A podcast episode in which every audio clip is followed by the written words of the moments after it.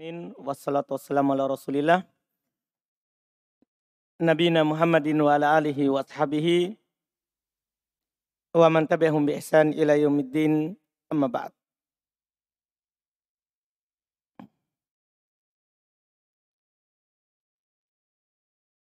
Alhamdulillah kita lanjutkan di pertemuan kita kali ini pembahasan sifat solat Nabi Sallallahu Alaihi Wasallam. Setelah selesai di pertemuan yang lalu, pembahasan bacaan-bacaan solat setelah takbiratul ihram, iftitah, ta'awud, basmalah, al-fatihah, kemudian surat setelah Al-Fatihah. Di hari ini kita masuk di pembahasan bab ruku.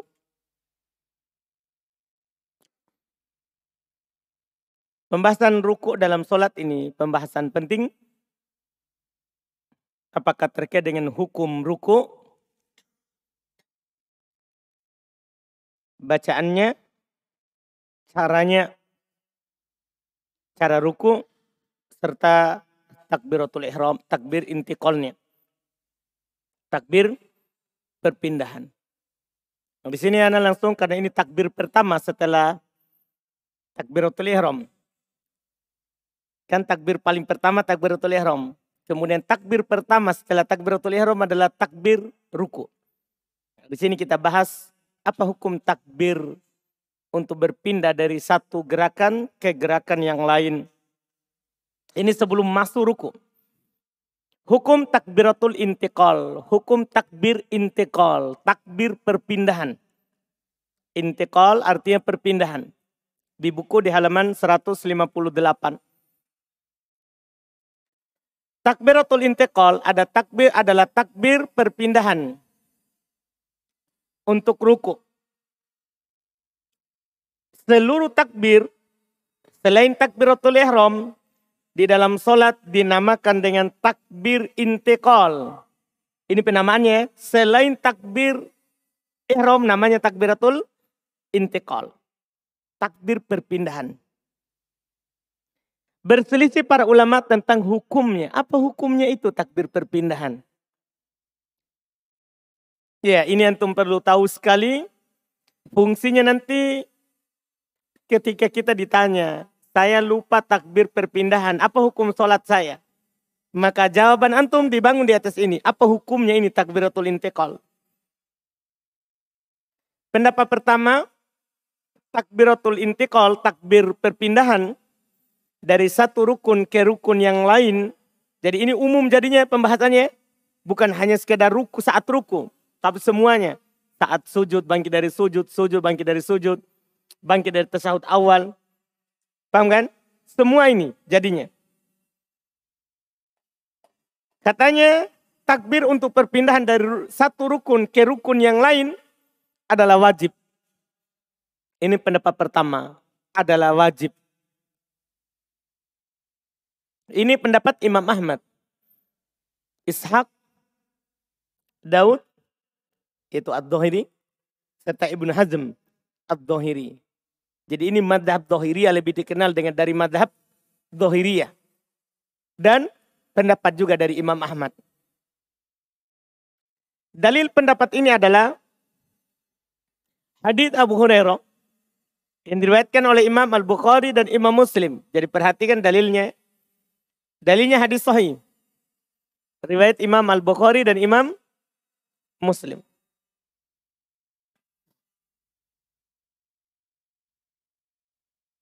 Dari Abu Hurairah radhiyallahu taala anhu dia berkata, "Kana Rasulullah sallallahu alaihi wasallam qama ila shalah yukabbir hina yakum."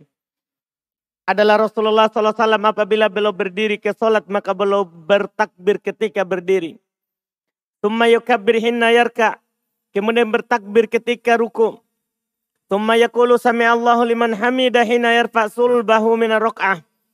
Kemudian beliau berkata sami Allahu liman hamidah ketika belum mengangkat punggungnya dari ruku. Tumma yaqulu wa kemudian berkata dalam keadaan belum berdiri, Rabbana lakal hamd. Qala Abdullah ibn Saleh anil laith walakal hamd. Maksudnya ada yang mengatakan Robbana lakal hamd, ada juga Robbana walakal hamd. Boleh pakai waw, boleh tidak. Dan dia akan dijelaskan bacaannya. Ini kita belum mau jelaskan bacaan. Takbir dulu. Tumma yukabbir hina yahwi. Kemudian beliau bertakbir ketika turun sujud. Tumma yukabbir hina yarfa rosa. Kemudian beliau bertakbir ketika mengangkat kepalanya. Tumma yukabbir hina yasjud. Kemudian beliau bertakbir lagi ketika sujud yang kedua. Tumma yukabbir hina yarfa rosa. Kemudian beliau bertakbir ketika mengangkat kepalanya. Tumma yaf'alu dhalika fis kulliha. Hatta yaqdiyaha. Kemudian beliau lakukan hal itu pada solatnya seluruhnya sampai beliau selesaikan. Wa yukabbir hina yakum minasintain ba'dal julus. Dan beliau bertakbir ketika berdiri dari dua rakaat setelah duduk tasyahud. Setelah duduk apa? Tasyahud. Ini kata mereka, Nabi bertakbir, Nabi bertakbir, Nabi bertakbir. Paham kan? Iya. Katanya dalil ini menunjukkan apa? Wajib. Dan juga mereka berdalil dengan dalil lain juga. Saya sebutkan di buku. Kemudian pendapat kedua. Iya. Pendapat kedua, dan ini merupakan pendapat yang kuat. Bahwasannya takbir di buku halaman 160. takbir intikal, takbir perpindahan hukumnya adalah sunnah. Bukan wajib. Tapi hukumnya adalah apa? Sunnah. Tahu sunnah ya? Kalau wajib kan berdosa kalau antum tidak takbiratul intikal. Dan kalau antum tinggalkan dengan sengaja berarti antum batal sholatnya. Itu namanya takbiratul intikal kalau antum berpendapat wajib. Berdosa kalau ditinggalkan lupa. Paham kan? Tidak perlu diganti nanti bisa sujud sawi. Tapi kalau tinggalkan dengan sengaja bisa batal sholat. Di samping berdosa. Pendapat kedua ini tidak. Sunnah. Hukumnya. Ini adalah pendapat mayoritas ulama. Kebanyakan ulama madhab berpegang dengan pendapat ini. Hukumnya adalah sunnah. Di mayoritas di kalangan sahabat, tabiin, dan setelah mereka Dalil dari pendapat ini adalah sebagai berikut. Dalil pertama, takbir perpindahan itu tidak disebutkan dalam hadis orang yang salah solatnya, ya kan? Coba untuk baca kembali hadis yang salah solatnya. Kan yang diajarkan cuma takbiratul ihram. Kemudian kamu baca, kemudian kamu ruku, kemudian kamu bangkit, kemudian kamu sujud, kemudian kamu bangkit, kemudian kamu sujud, kemudian kamu bangkit. Kan tidak ada takbir. Selain takbir apa? Pertama, coba untuk melihat kembali di takbiratul ihram. Hadisnya. Iya, dalil kedua, tidak ada tidak datang perintah dari Nabi SAW dalam hal tersebut. Tidak ada perintah. Kalau kamu ruku, takbirlah. Kalau, kamu sujud, takbirlah. Kalau kamu bangkit, takbirlah. Kalau kamu sujud lagi, takbirlah. Tidak ada perintah. Kan yang kita katakan wajib itu kapan? Kalau ada apa? perintah. Adapun hadis-hadis yang telah disebutkan dalam pendapat pertama, semuanya itu menukilkan bahwa itu perbuatan Nabi. Coba untuk melihat tadi. Karena Nabi SAW adalah Nabi SAW bertakbir, bertakbir, bertakbir. Paham kan? Semuanya itu apa? Perbuatan. Perbuatan Nabi apa hukumnya? Kalau Nabi melakukan maka itu hukumnya adalah apa? Sunnah. Kan koedanya kalau Nabi perintahkan maka wajib, kalau Nabi contohkan maka sunnah. Dipahami nih? Paham ya? Ya kan? Kalau Nabi larang, maka itu haram. Kalau Nabi tinggalkan, berarti itu makruh. Paham jadinya? Kan empat hukum. Empat. Wajib, sunnah, makruh, haram. Itu ciri masing-masing ada ciri-cirinya. Dan ini pendapat yang kuat tentunya. Kan tidak bisa kita bilang wajib kalau tidak ada perintah. Kalau tidak ada perintah. Pendapat ini yang kuat. Artinya kalau ada orang lupa, tidak berdosa, tidak tidak batal sholatnya. Cuman hanya saja dia tidak dapat pahala sunnah. Ini hukum takbir perpindahan. Ini hukum takbir perpindahan. Kemudian masalah berikutnya hukum rukuk. Rukuk dalam sholat hukumnya adalah merupakan rukun dari rukun sholat. Paham kan? ini tidak ada silang pendapat. Ruku itu rukun sholat. Tidak ada sholat tanpa ruku. Tidak ada sholat tanpa ruku. Disebut, dijelaskan, hal tersebut dijelaskan dalil Quran, demikian pula hadis Nabi SAW dan kesepakatan para ulama. Adapun dalil Quran Allah Subhanahu wa taala berfirman ya ayyuhalladzina amanu ruk'u wasjudu. Wahai orang-orang beriman ruku dan sujudlah. Wahai orang-orang beriman ruku dan sujudlah. Perintah Quran. Demikian pula dalil dari hadis Nabi SAW. Itu orang yang salah solatnya. Ini hadisnya. Orang yang salah solatnya. Iya kan? Hadis panjang di situ saya nukil. Kemudian Nabi SAW di antara yang katakan hat summarka terkait dengan pembahasan ruku. Summarka hatta tatma'inna roki'a. Kemudian kamu ruku sampai tumaknina di ruku. Ruku sampai tumaknina. Sampai apa? Tumaknina. Tumarfa ro'saka hatta ta'tadila qa'ima. Kemudian kamu angkat kepalamu, bangkit dari ruku, sampai kamu i'tidal berdiri. Maksudnya lurus berdiri. Sampai kamu lurus berdiri. Ini jelas sekali. Iya. Dan dinukil kesepakatan oleh para ulama seperti yang dinukil oleh Imam Nawawi, Ibn Qudama, Ibn Abdul Bar, dan selainnya. Bahwa ruku ini adalah merupakan rukun sholat. Berikutnya caranya. Sifat ruku cara ruku. Iya. Di sini banyak hal ya yang akan disampaikan karena terkait dengan posisi tangan, posisi punggung, posisi kepala. Ini banyak hal. Cara pertama di buku halaman 162. Meletakkan kedua tangan di atas kedua lutut. Dan ini hukumnya adalah wajib. Jadi dua tangan itu di atas dua, di atas lutut. Bukan di atas paha, bukan di atas betis. Artinya di lutut, pas di lutut. Tahu lutut kan? Hmm? Ayo. Mana lutut saudara? Nah, itu dia lutut. Alhamdulillah Ayub tahu. Saya kira Ayub, Ayub tidak tahu lutut. Hmm. Apa dalilnya? Dalilnya adalah hadis yang diriwayatkan oleh Al-Imam Ibnu Khuzaimah dari Abu Humaid Beliau berkata karena Rasulullah sallallahu alaihi wasallam idza qama ila shalah itadala qa'ima. Adalah Rasulullah sallallahu alaihi wasallam apabila beliau berdiri salat maka beliau lurus berdiri. Jadi Nabi itu kalau berdiri lurus, beliau tidak bungkuk. Beliau berdiri lurus.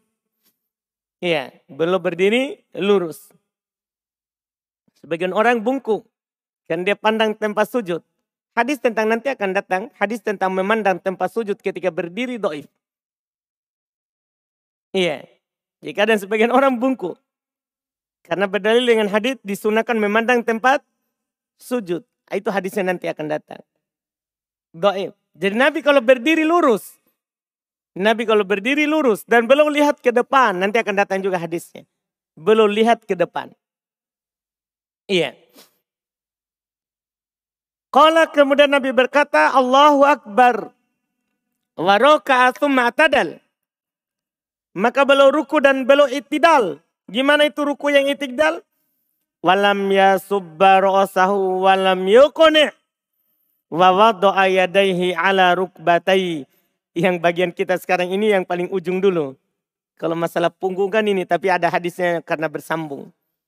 Jadi beliau ruku, kemudian beliau itidal di ruku. Gimana itu itidal dalam ruku? Yaitu katanya tidak mengangkat kepalanya, tidak pula ditundukkan. Jadi ketika ruku juga, kepala beliau tidak diangkat dan tidak ditundukkan. Kepalanya. Ini tentang kepalanya. Tidak tunduk, tidak pula diangkat. Tidak pula diangkat. Iya. Yeah. Dan wadda ayadaihi ala rukbatai. Ini yang menjadi poin kita. Belum meletakkan kedua tangannya di atas kedua lututnya. Maksudnya tangan kanan di atas lutut, kanan kiri di atas lutut, kiri. Itu caranya. Sebentar akan ada lebih jelas lagi nanti insya Allah. Takbirnya di hadis berikutnya. Makanya eh, tangan ini kan maksudnya gimana ini? Jari atau gimana? Sebentar ada hadisnya.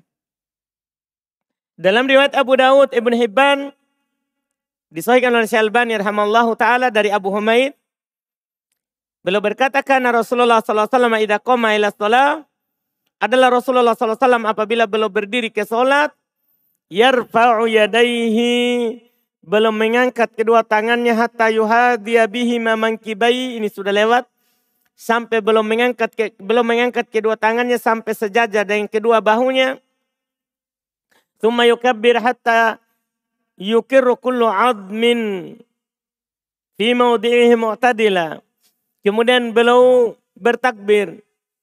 Beliau bertakbir. Sampai menetap setiap persendian ke tempatnya. Itidal. Thumma yakra. Kemudian beliau membaca. Itu membaca Al-Fatihah dan surah setelahnya. Thumma yukabbir. Ah, ini sekarang datang ruku. Datang untuk ruku. Kemudian beliau bertakbir. Fayarfa yadai hatta yuhadiya bihi kibai. Sama belum mengangkat kedua tangannya sampai sejajar dengan kedua bahunya. Summa yarka, kemudian setelah itu beliau ruku. Wayadu' rohatai ala rukbatai. Maka beliau meletakkan rohanya. Ini nih, ini roha namanya, telapak tangan. Belum meletakkan telapak tangannya ala rukbatai di atas kedua lututnya. Jadi telapak tangan ini yang pas di lutut. Paham ini? Telapak tangannya ini di lutut. Ini jelas sekali tabirnya. Karena sholat ini termasuk yang paling jelas yang Nabi terangkan. Karena Nabi bilang, Solu kamaru aitumuni usolli. Sholatlah sebagaimana kalian melihat saya sholat. Jadi dia jelas sekali. Dari semua sisi para sahabat nukil. Jadi tidak, tidak perlu lagi kita tambah-tambah, tidak perlu lagi. Cukup kita lakukan yang sunnah. Jadi ini jelas sekali, telapak tangan ya ke ke lutut. Sumay atadil falayastubbu ra'sahu wala yuqni kemudian beliau itidal lurus beliau tidak menundukkan kepala dan juga tidak mengangkatnya, tidak mengangkatnya. Demikian pula hadis berikutnya lagi dari Rifa'ah bin Rafi' diriwayatkan oleh Imam Abu Dawud disahihkan juga oleh Syalbani Kata Nabi SAW, wa idha roka'ta. Ini menunjukkan wajibnya, karena ada perintah. Kalau tadi kan perbuatan kan? Ini sini. Kenapa saya bawakan ini ketiga lagi? Karena saya bilang tadi wajib. Saya bilang tadi apa? Wajib. Dua dalil tadi itu perbuatan. Dua dalil, dalil tadi itu apa? Perbuatan. Ini yang menunjukkan wajibnya. Kata Nabi wa roka'ta. Kalau kamu ruku. Fado' perintah maka letakkanlah. Letakkanlah rohataik ala rukbataik. Kedua telapak tanganmu di atas kedua lututmu. Wamdud dohrok. Luruskan punggungmu. Jadi punggungnya diluruskan. Jangan dibengkok. Jangan tunduk. Jangan juga ke atas. Tapi kalau memang pas di lutut, telapak tangannya pasti lurus. Iya enggak Ahmad? Jangan menghayal. Coba Ahmad. Kamu menghayalan tuh. Hmm. Kasih pas. Belum, belum. Iya.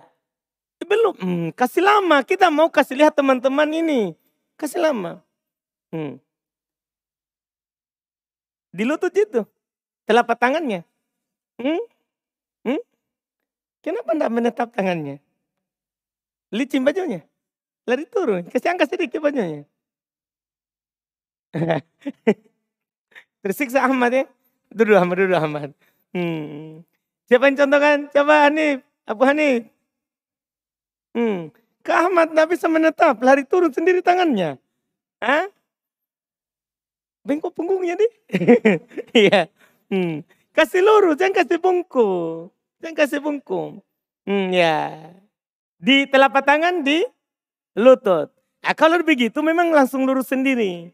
Kalau antum, coba ke bawah sedikit. di bawahnya lutut, telapak tangannya. Pasti bengkok, kan begitu. Coba di atasnya lutut, pasti bengkok, kan begitu. Ah, Nabi tidak naik, tidak turun. Nah kalau antum pas di situ, pasti lurus. Ketika orang tidak pas, maka akan bengkok. Paham maksudnya? Kan tidak mungkin disuruh lurus kan? Baru tangan disuruh di lutut, baru tidak lurus. Kan pasti lurus kalau disuruh, karena pasti ini sesuai. Karena yang menyuruh ini adalah penciptanya kita. Allah. Paham kan? Pasti Allah tahu. Iya kan? Tidak ada yang Allah tidak tahu tentang badan kita. Iya kan? Jadi kalau kita begitu pasti lurus. Orang akan bungkuk kalau yang lain. Atau kadang orang di lututnya tapi dia teku ininya. Coba teku. Abu Hanif, kalau Ahmad susah ya. Teku lututnya, teku. Eh lutut. Eh sikunya. Teku. Nah itu kan pasti bengkok kalau diteku. Paham kan? Diluruskan saja. Sebentar ada. Ada kata lagi. Dan jazakumullah khairan. Paham Ahmad? Hmm. Iya. Eh, kemudian hadis itu kedua juga. Nanti ada lagi hadis ya. Ada kata amkana. Nabi mengokohkan. Nanti insya Allah. Demikian pula hadis ketiga saya sebutkan di situ karena diperintahkan umirna an aidina ala rukab kami diperintahkan untuk meletakkan tangan-tangan kami di atas lutut. Ah, ini semua ini ilmu bagi antum sengaja saya sebutkan banyak dalil supaya kita tahu ini cara sholat, cara ruku dari Nabi Shallallahu Alaihi Wasallam. Iya, dari Nabi Shallallahu Alaihi Wasallam. Kemudian cara kedua lihat halaman 165. Menekan dan menguatkan kedua tangan di atas lututnya dan meluruskan punggungnya. Tadi kan sudah kan kata meluruskan punggung kan dari tadi. Cuma di sini ada menekan tangan ke lutut. Jadi ditekan. Supaya lurus kan. Kan tidak bisa lurus kalau tidak ditekan. Ya, dikokohkan tangannya. Ini dikatakan berdasarkan hadis riwayat Imam Al-Bukhari Wa idza raka'a amkana yadaihi min rukbataihi thumma hasara dhahrah. Jika ruku yaitu Nabi SAW maka belum menem, menempatkan kedua tangannya pada lututnya dan meluruskan punggungnya. Dan di situ ditakbir dengan amkana, ditempatkan dengan dikokohkan. Ditempatkan dengan dikokohkan tangannya. Iya. Demikian pula lapat yang setelahnya summa yarka wa yad'u rohatai ala rukbatai summa ya'tadil. Ini jelas tadi. Kemudian beliau ruku dan meletakkan kedua telapak tangannya di, di atas kedua lututnya.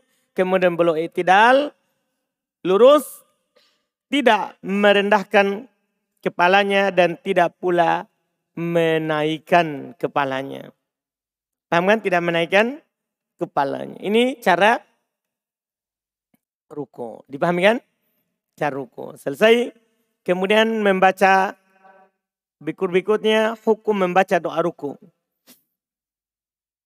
Hukum membaca doa ruku. Ya. Saat ruku. Dan sekaligus di sini saya baca bahas doa hukum membaca doa sujud juga. Karena supaya tidak berulang. Karena sama hukumnya doa ruku dan doa sujud terkait dengan hukumnya. Makanya di sini saya bahas satu kali supaya tidak berulang. Karena pembahasan ulama kita sama. Dalam pembahasan ini ada tiga pendapat terkait dengan hukum membacanya. Doanya ya bukan rukunya. Kalau ruku sudah. Doa ruku, apa hukum membacanya? Doa sujud, apa hukum membacanya? Ada tiga pendapat. Pendapat pertama sunnah, mustahab, tidak wajib membaca saat ruku dan sujud. Ini pendapat mayoritas ulama. Jadi pendapat yang mengatakan tidak wajib ini mayoritas. Ulama madhab. Termasuk Imam Syafi'i, Imam Malik, Al-Thawri. Mereka berdalil dengan hadis orang yang salah solatnya. Di mana Nabi tidak mengajarkan bacaan ruku. Demikian pula bacaan sujud. Paham kan? Iya enggak? Lihat di hadis orang yang salah solatnya. Kan tidak ada bacaan-bacaan ruku, tidak ada bacaan apa?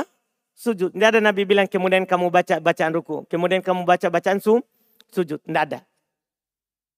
Iya. Pendapat kedua, membaca bacaan ruku dan sujud hukumnya adalah wajib. Kalau ini pendapat Imam Ahmad dalam satu riwayat. Ishaq ibn Rohawai, Daud ad-Zahiri, Ibn Hazm, dipilih oleh Ibnul Mundir dari kalangan Syafi'iyah. Mereka berkata, jika ditinggalkan dengan sengaja, maka batal sholatnya. Tapi jika ditinggalkan karena lupa, maka wajib baginya mengganti dengan sujud sahwi. Ini kan ciri yang wa, ciri yang wajib seperti itu. Ciri yang wajib seperti itu. Ya. Dalilnya mereka adalah ini dalil pendapat kedua. Firman Allah Subhanahu wa taala fasabbih bismi rabbikal azim. Maka bertasbihlah dengan nama Robmu yang maha agung. Jadi diperintahkan untuk bertasbih. Sisi pendalilannya katanya Allah memerintahkan hal tersebut. Maka ini menunjukkan atas apa? Wajibnya. Juga mereka berdalil dengan hadis yang diriwayatkan oleh Imam Muslim dari Ibn Abbas. Nabi SAW bersabda, Fa'ammar ruku fa'addimu. Perintah. Adapun ruku, fa'addimu fihi Rabb azza wajal. Maka agungkan Allah azza wajal. Dengan lafad apa? Perintah. Fa'addimu.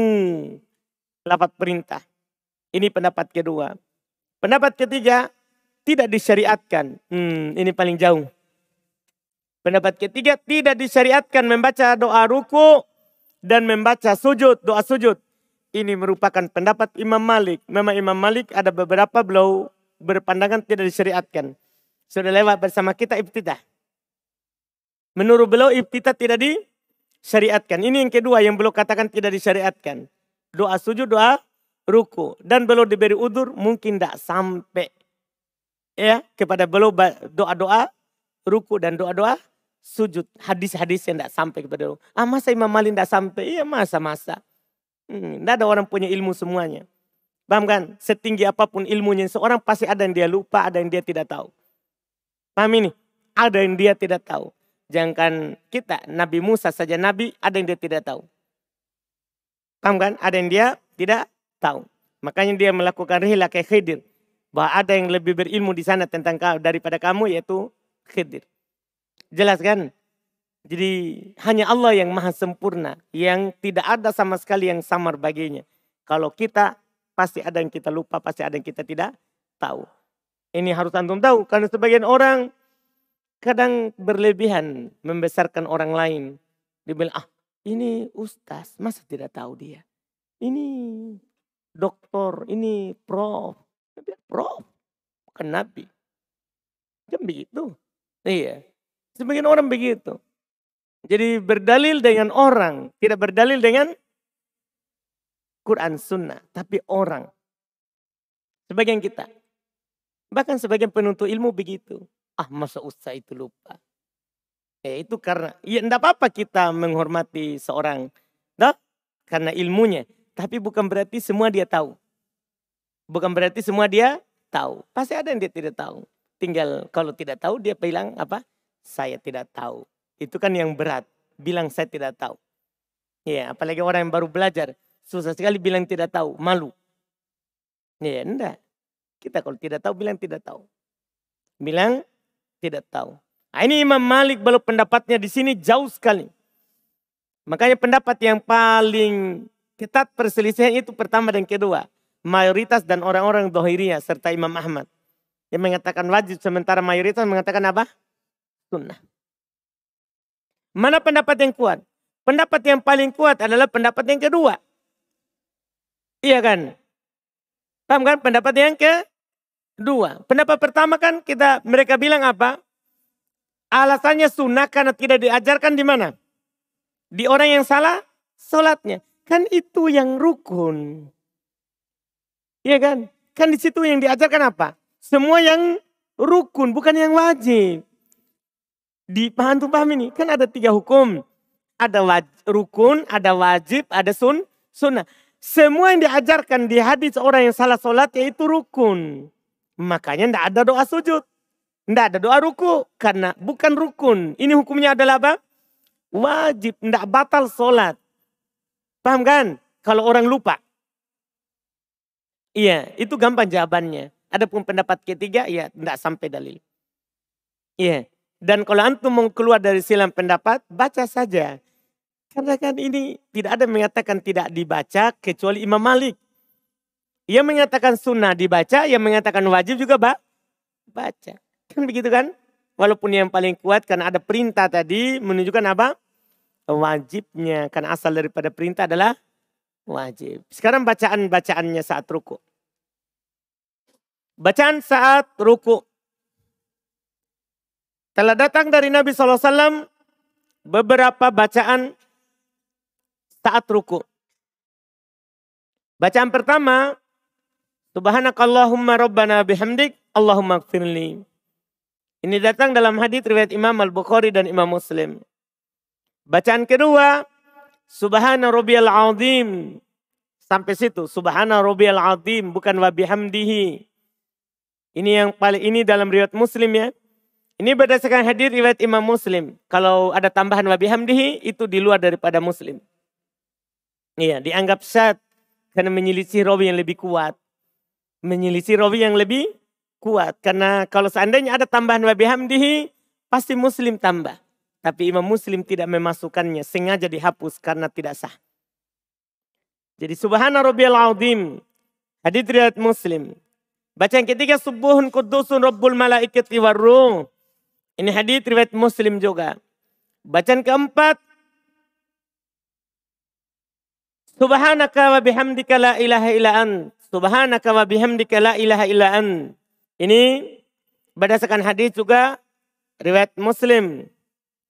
Bacaan kelima Allahumma laka roka'atu wa bika amantu wa laka aslamtu Khusya'laka sam'i wa basari wa mukhi wa azmi wa asabi. Ini bacaan yang kelima. Bacaan keenam. Subhana dil subhana subhana dil jabarut wal malakut wal kibriya wal azamah. Ini bacaan keenam. Riwayat Nasai. Kalau bacaan kelima tadi riwayat Muslim juga. Banyak dalam riwayat Muslim. Bacaan keenam ini riwayat Imam Nasai. Ya ini enam bacaan yang datang dari Nabi kita Muhammad SAW terkait dengan bacaan-bacaan apa? Ruku. Kemudian masalah berikutnya, hukum berdoa ketika ruku. Iya, apa hukum berdoa ketika apa?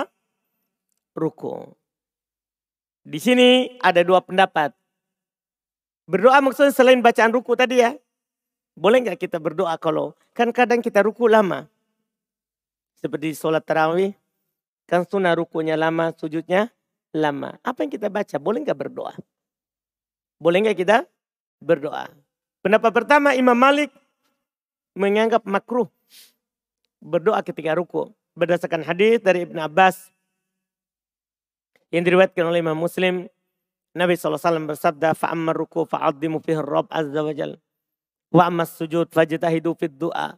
Fakominun ayyus sajabalakum. Adapun ruku, maka agungkan Rob al azza wajal. Sedangkan sujud, maka berusahalah untuk bersungguh-sungguh dalam doa. Sehingga layak dikabulkan untukmu, kata Allah. Kata Nabi SAW. Lihat, di ruku cuma disebutkan agungkan Rob.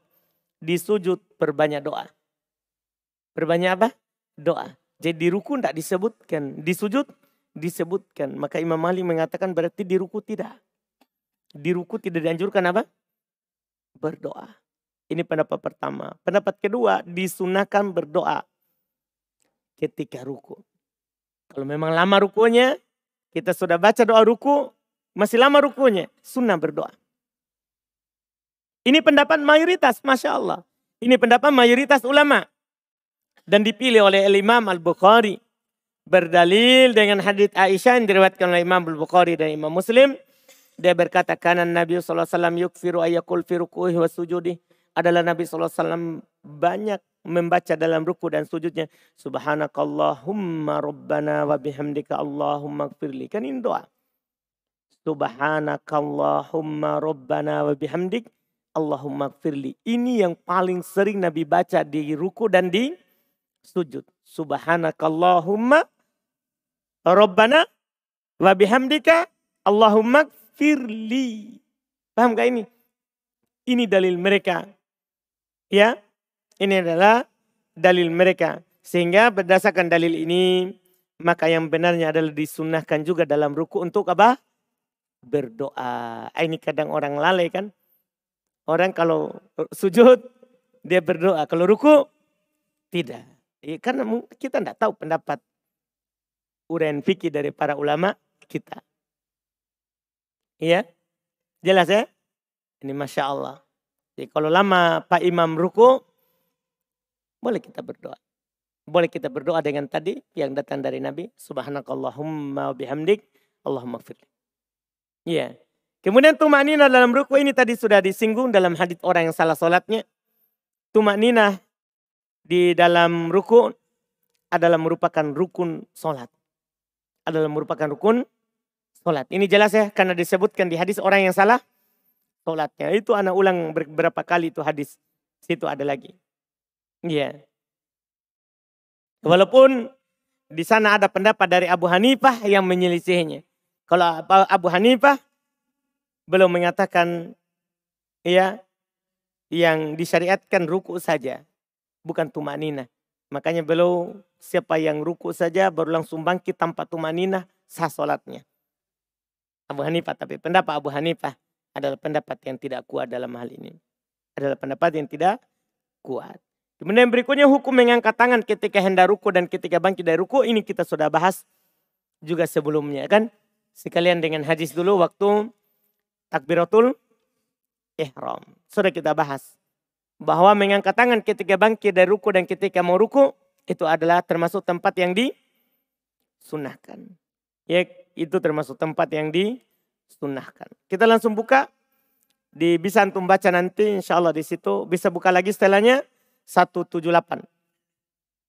Iya, 178.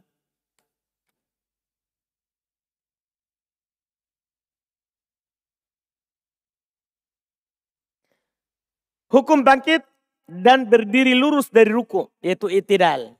Nah, ini juga tadi ada di hadis orang yang sal yang salah solatnya.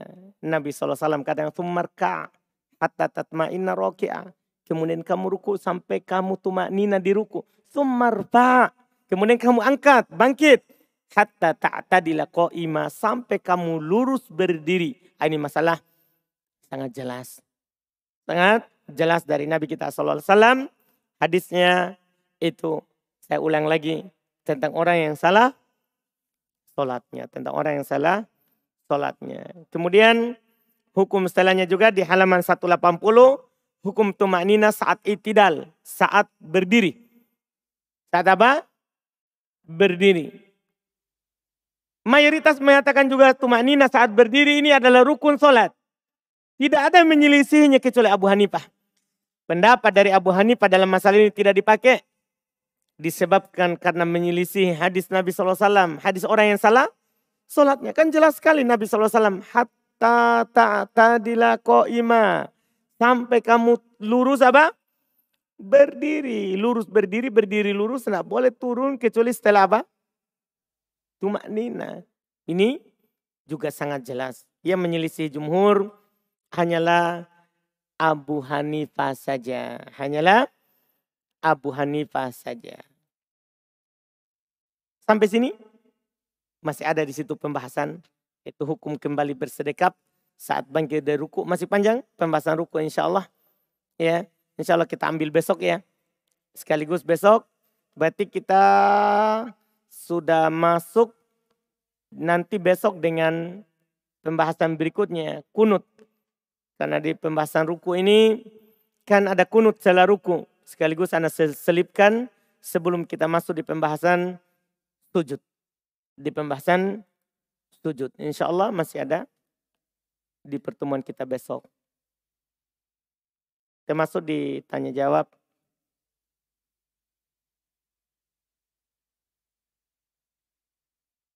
Ada pertanyaan? Silakan Yusuf.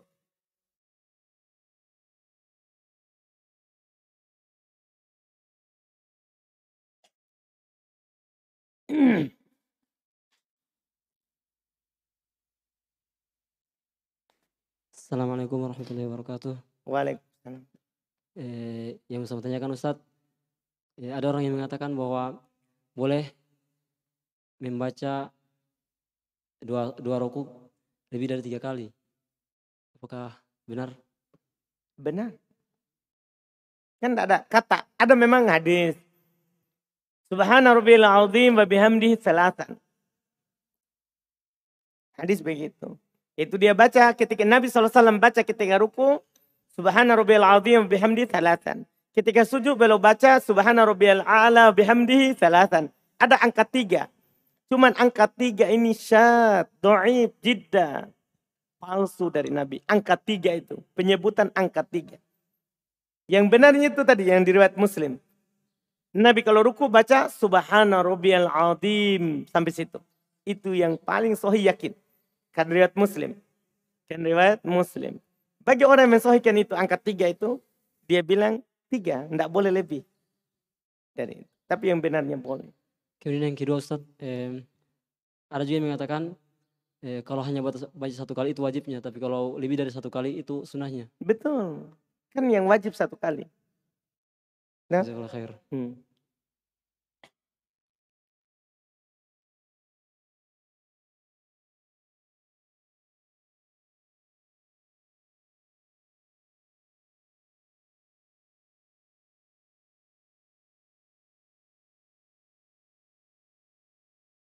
Eh, tentang orang-orang zuhiri Ustaz. Itu bagaimana Ustaz? Maksudnya contoh Ibnu Hazm ada beberapa fatwa-fatwanya itu kad- terkadang menyelisih Ustaz dalil. Bagaimana apakah kita boleh mengambil sebagian dari apa yang beliau fatwakan? Men, enggak. Dia enggak menyelisih dalil. Cuman kalau tidak ada dalil dia tidak berpendapat dengan itu dibilang orang Dohiria. Apa yang ditunjukkan oleh dalil itu saja yang dia berpendapat. Dia tidak berpendapat dengan mafhum. Dia tidak berpendapat dengan pemahaman. Jadi kalau dia fatwakan menyelisih, berarti tidak sampai dalilnya atau dia doibkan dalilnya. Seperti dia fatwakan halal musik. Dohiria. Ya, karena dia doibkan hadis tentang haramnya musik. Masya Allah. Dia doibkan hadis dalam Bukhari. Makanya para ulama tidak terima fatwanya Ibn Hazm. Tidak terima. Begitu. Ji. Dia tidak sampai dalil atau dia doibkan. Berarti dalam masalah akidah sama Ustaz. Ya sama. Oh. Akidah kaum muslimin tidak ada yang menyelisih. Yang menyelisih itu ahli bid'ah saja. Qawarij, Mu'tazilah, Asyairah, Maturidiyah, Murji'ah. Itu menyelisih akidah. Ahli sunnah. Terus yang selanjutnya Ustaz eh, tentang Murji'ah Ustaz. Murji'ah ini kan eh, samar Ustaz di kalangan mungkin kita para penuntut ilmu Ustaz yang dia itu bergampangan dalam perkara hal iman. Mungkin bisa eh, digambarkan secara luas atau global saja Ustaz tentang mereka ini Ustaz. Karena mereka ini tersebar Ustaz di paling sekarang ini sosial media Ustaz. Hmm. Bagaimana kita ini tentang Jadi orang-orang sebenarnya murjiah itu bukan hanya masalah iman saja. Banyak masalah. Cuman perbedaan di masalah pengertian iman itu lebih nampak. Karena pengertian iman menurut murjiah adalah at-tasdik. Pembenaran saja. Sementara menurut ahli sunnah adalah at-tasdiku bil janan. Wa qaulun bil lisan wa amalun bil jawarih. Membenarkan dengan hati, ucapkan dengan lisan, beramal dengan anggota badan. Ya? Makanya sholat itu keimanan. Puasa itu keimanan. Menurut ahli sunnah. Ya kan? Karena juga Allah subhanahu wa ta'ala takbir sholat itu dengan iman. Maka Allah liyudi'a imanakum. Allah tidak akan melantarkan keimanan kalian. Ini kan masalah sholat. Tapi Allah bilang iman kalian. Berarti amal dengan anggota badan itu adalah iman. Itu bantahan terhadap murjiah. Nah, buah dari kesalahannya itu mereka katakan ahli bid'ah ya masuk dari ahli sunnah. Karena kan yang penting dia beriman. Jadi biar dia melakukan bid'ah maulid, bid'ah tahlilan. Mau dia melakukan bid'ah dan mengajak kepada bid'ah yang penting dia masih beriman ahli sunnah. Itu pendapat buah dari murjiah. Hmm. Untuk membahas lebih luasnya di buku akidah. tentang foto Ustaz. Ini kita dapati beberapa eh, orang-orang bergampangan dengan foto Ustaz. Hmm. Mungkin di luar yang eh, yang udur atau semacam darurat kayak misalnya KTP dan semisalnya. Itu bagaimana dengan yang lain Ustaz? Dia untuk gampang sekali dia memfoto orang atau dia sendiri yang memfoto dirinya untuk dia mengatakan ini kenang-kenangan atau semisalnya. Itu bagaimana Ustaz? Ini mohon nasihatnya Ustaz untuk yang seperti ini Ustaz. Jadi orang yang berpendapat akan bolehnya foto selalu mereka bilang bahwa Syekh Utsaimin boleh. Kan begitu je orang. Syekh Utsaimin boleh kan. Syekh Utsaimin berpendapat bolehnya foto karena menurut beliau foto itu cermin. Seperti cermin. Kan kita berdiri di hadapan cermin, ya kan? Dia keluar seperti yang kita seperti yang kita sekarang berada. Dipahamkan? Iya, tidak ada perbuatan manusia. Kita cuma duduk, berdiri, langsung seperti ada begitu. Makanya Syekh Utsaimin bolehkan. Kan ini bukan gambar, bukan perbuatan orang. Paham kan? Makanya Syekh bilang, Syekh Utsaimin bisa antum baca di syarah kitab Tauhid. Kalau ada orang berpendapat dengan bolehnya foto dengan perkataan Syekh Utsaimin, itu di fatwa. Tapi coba baca di pembahasan rincian Syekh Utsaimin di syarah kitab Tauhid, Qaul Mufid. Di pembahasan bab eh, Maja'afil Musawwirin. Apa yang datang tentang orang yang menggambar. Apa yang datang tentang orang yang menggambar. Di sana beliau rinci gambar. Termasuk gambar dengan alat fotografia. Dengan foto. Beliau katakan boleh. Karena dia seperti cermin. Tapi dengan syarat. Dengan syarat. Tidak ada perbuatan kita yang campur di situ. Tidak boleh ditadil, tidak boleh diubah warnanya, tidak boleh. Kapan ada diubah, berarti jadi perbuatan manusia. Maka jadi beliau bilang haram kalau sudah antum ubah. Nah, sudah diubah. Jadi beliau bilang memang hanya foto yang bekerja. Tidak ada sama sekali diedit.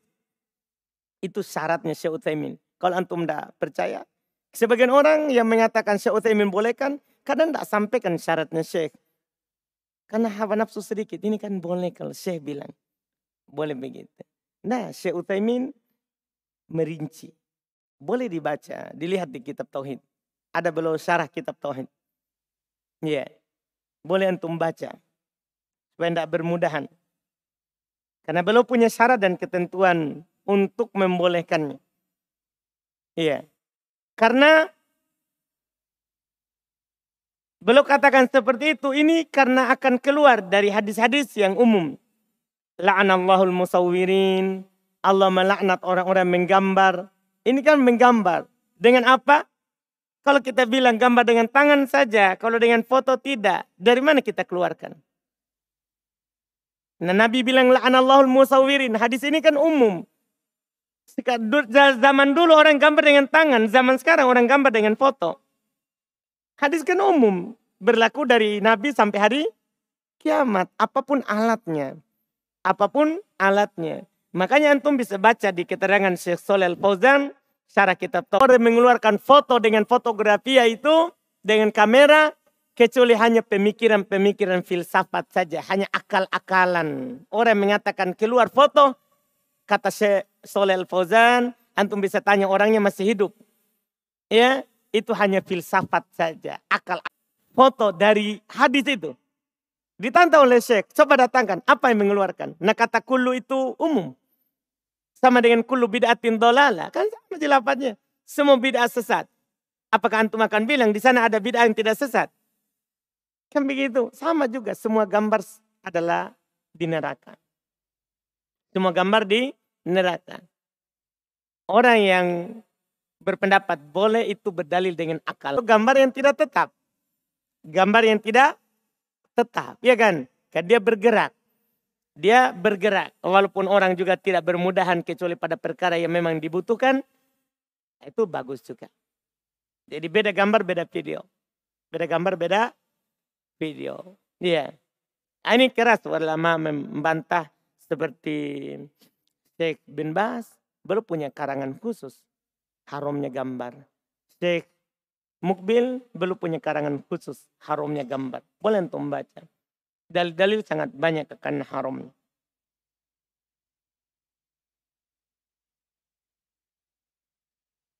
Apa yang harus dilakukan ketika lupa tasahud awal? Sedang kita sudah terlanjur berdiri. Apakah harus kembali duduk untuk melakukan tasawuf awal? Tidak. Kalau kita sudah lurus berdiri, tidak perlu duduk. Lanjut saja nanti sujud sahwi. Sebelum salam dua kali. Itu kalau tasahud awal. Kalau tasahud akhir, walaupun kita sudah berdiri wajib turun. Karena menambah rokaat. Karena menambah rokaat. Itu Allah alam.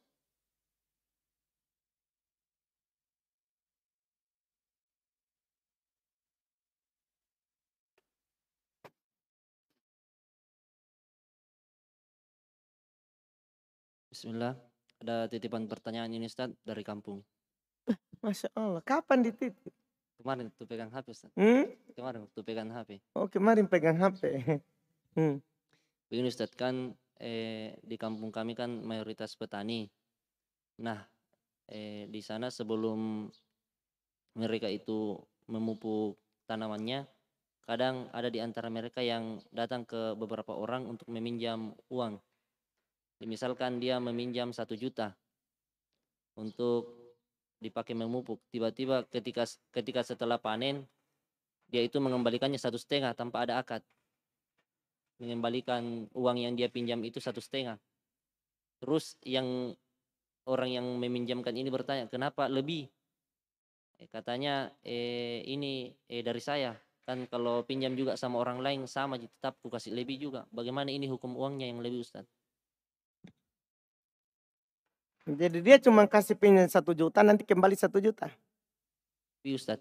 Tidak, maksudnya dia jadi dia kasih pinjam satu juta itu tempat pinjam bukan rentenir. Bukan Ustaz. Jadi dia memang kasih pinjam satu kembali satu. Lebih. Tunggu, tunggu, tunggu. jadi jadi dia ini, dia ini dah, ini pihak yang memberikan pinjaman. Memang dia itu kasih pinjam satu juta, dia mau kembali satu. Iya Ustaz. Tak? Iya. Iya kan? Iya, Ustaz. Terus pada saat dikembalikan, ini si peminjam, dia kasih lebih. Iya, betul. Begitu. Begitu. Jadi dia tidak mau lebih tadinya. Tidak mau lebih. Tapi saat kembalikan dia kasih lebih. Iya. Tidak apa-apa. Boleh, bukan riba. Kecuali dia dari awal ingin lebih. Dah, riba.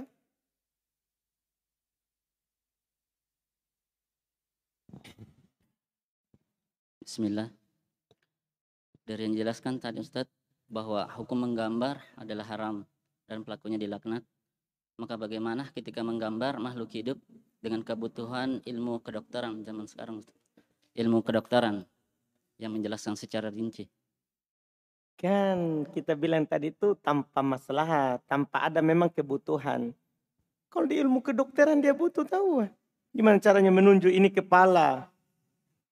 Hmm, Itu namanya dibutuhkan darurat. Sama dengan kata foto KTP nyantum. No, buat SIM. Nggak mau ke foto, cukup SIM saja kasih kah? Harum foto pak. Nggak bisa, ini namanya dibutuhkan. Paham kan? Itu tadi itu gambar yang tidak dibutuhkan. Hmm.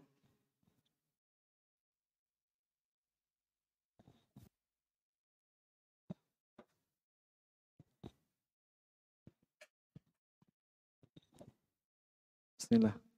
Eh, bagaimana Ustaz eh, kita menyikapi kalau kita dapat potongan-potongan Al-Quran yang sudah sobek, eh, terus ada nama Asmaullah di situ Ustaz. Atau buku-buku yang biasanya kan ada tulis eh, kayak makalah, ada bismillahnya, kita dapat di tempat sampah atau di di tempat eh, apa rombengan begitu, bagaimana kita tanggap Ustaz? Baik, boleh kita ambil dan bakar Pak. Supaya enggak letakkan di sembarang tempat, enggak diinjak, di ini. Boleh kita ambil dan bakar. Bakar bukan niat menghinakan, tapi mengagungkan, menjaga. Kalam Allah supaya enggak diletakkan di sembarang tempat. Ketika enggak dipakai, boleh kita bakar.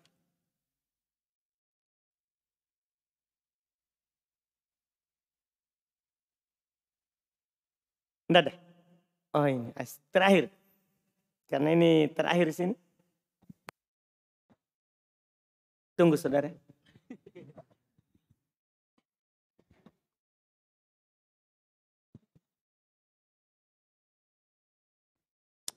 Tadi sudah dibahas.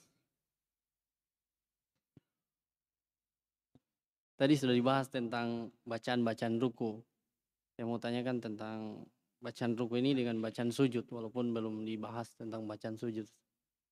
Apakah ada ada ketentuan bahwasanya bacaan ruku dan bacaan sujud itu harus ber- berkesesuaian. Misalnya kan dia bacaan ruku ini bermacam-macam Ustadz. Misalnya kalau kita baca Subhana Rabbil Azim maka ketika sujud kita harus baca Subhana Rabbiyal A'la. Kita tidak boleh baca misalnya eh, Subhanakallahumma Rabbana wa bihamdika seterusnya. Apakah ada ketentuan seperti itu? Enggak ada, enggak ada. Ini kan diajarkan banyak, artinya boleh untuk memilih. Kan di, ketika pengajarannya banyak, maka boleh dimilih, dipilih salah satunya. Seperti dulu doa iftitah, diajarkan banyak. Ibnu Abbas, Ibnu Umar pilih satu saja. Tidak lakukan yang lain. Boleh dipilih. Nah, tidak ada ketentuan harus kalau sini harus sini, sini harus sini. Tidak. Itu ya. Alhamdulillah. Kita cukupkan. Alhamdulillah. Insya Allah kita lanjut lagi di pertemuan besok. Insya Allah di pembahasan sifat solat. Subhanallah. Hamdik. La ilaha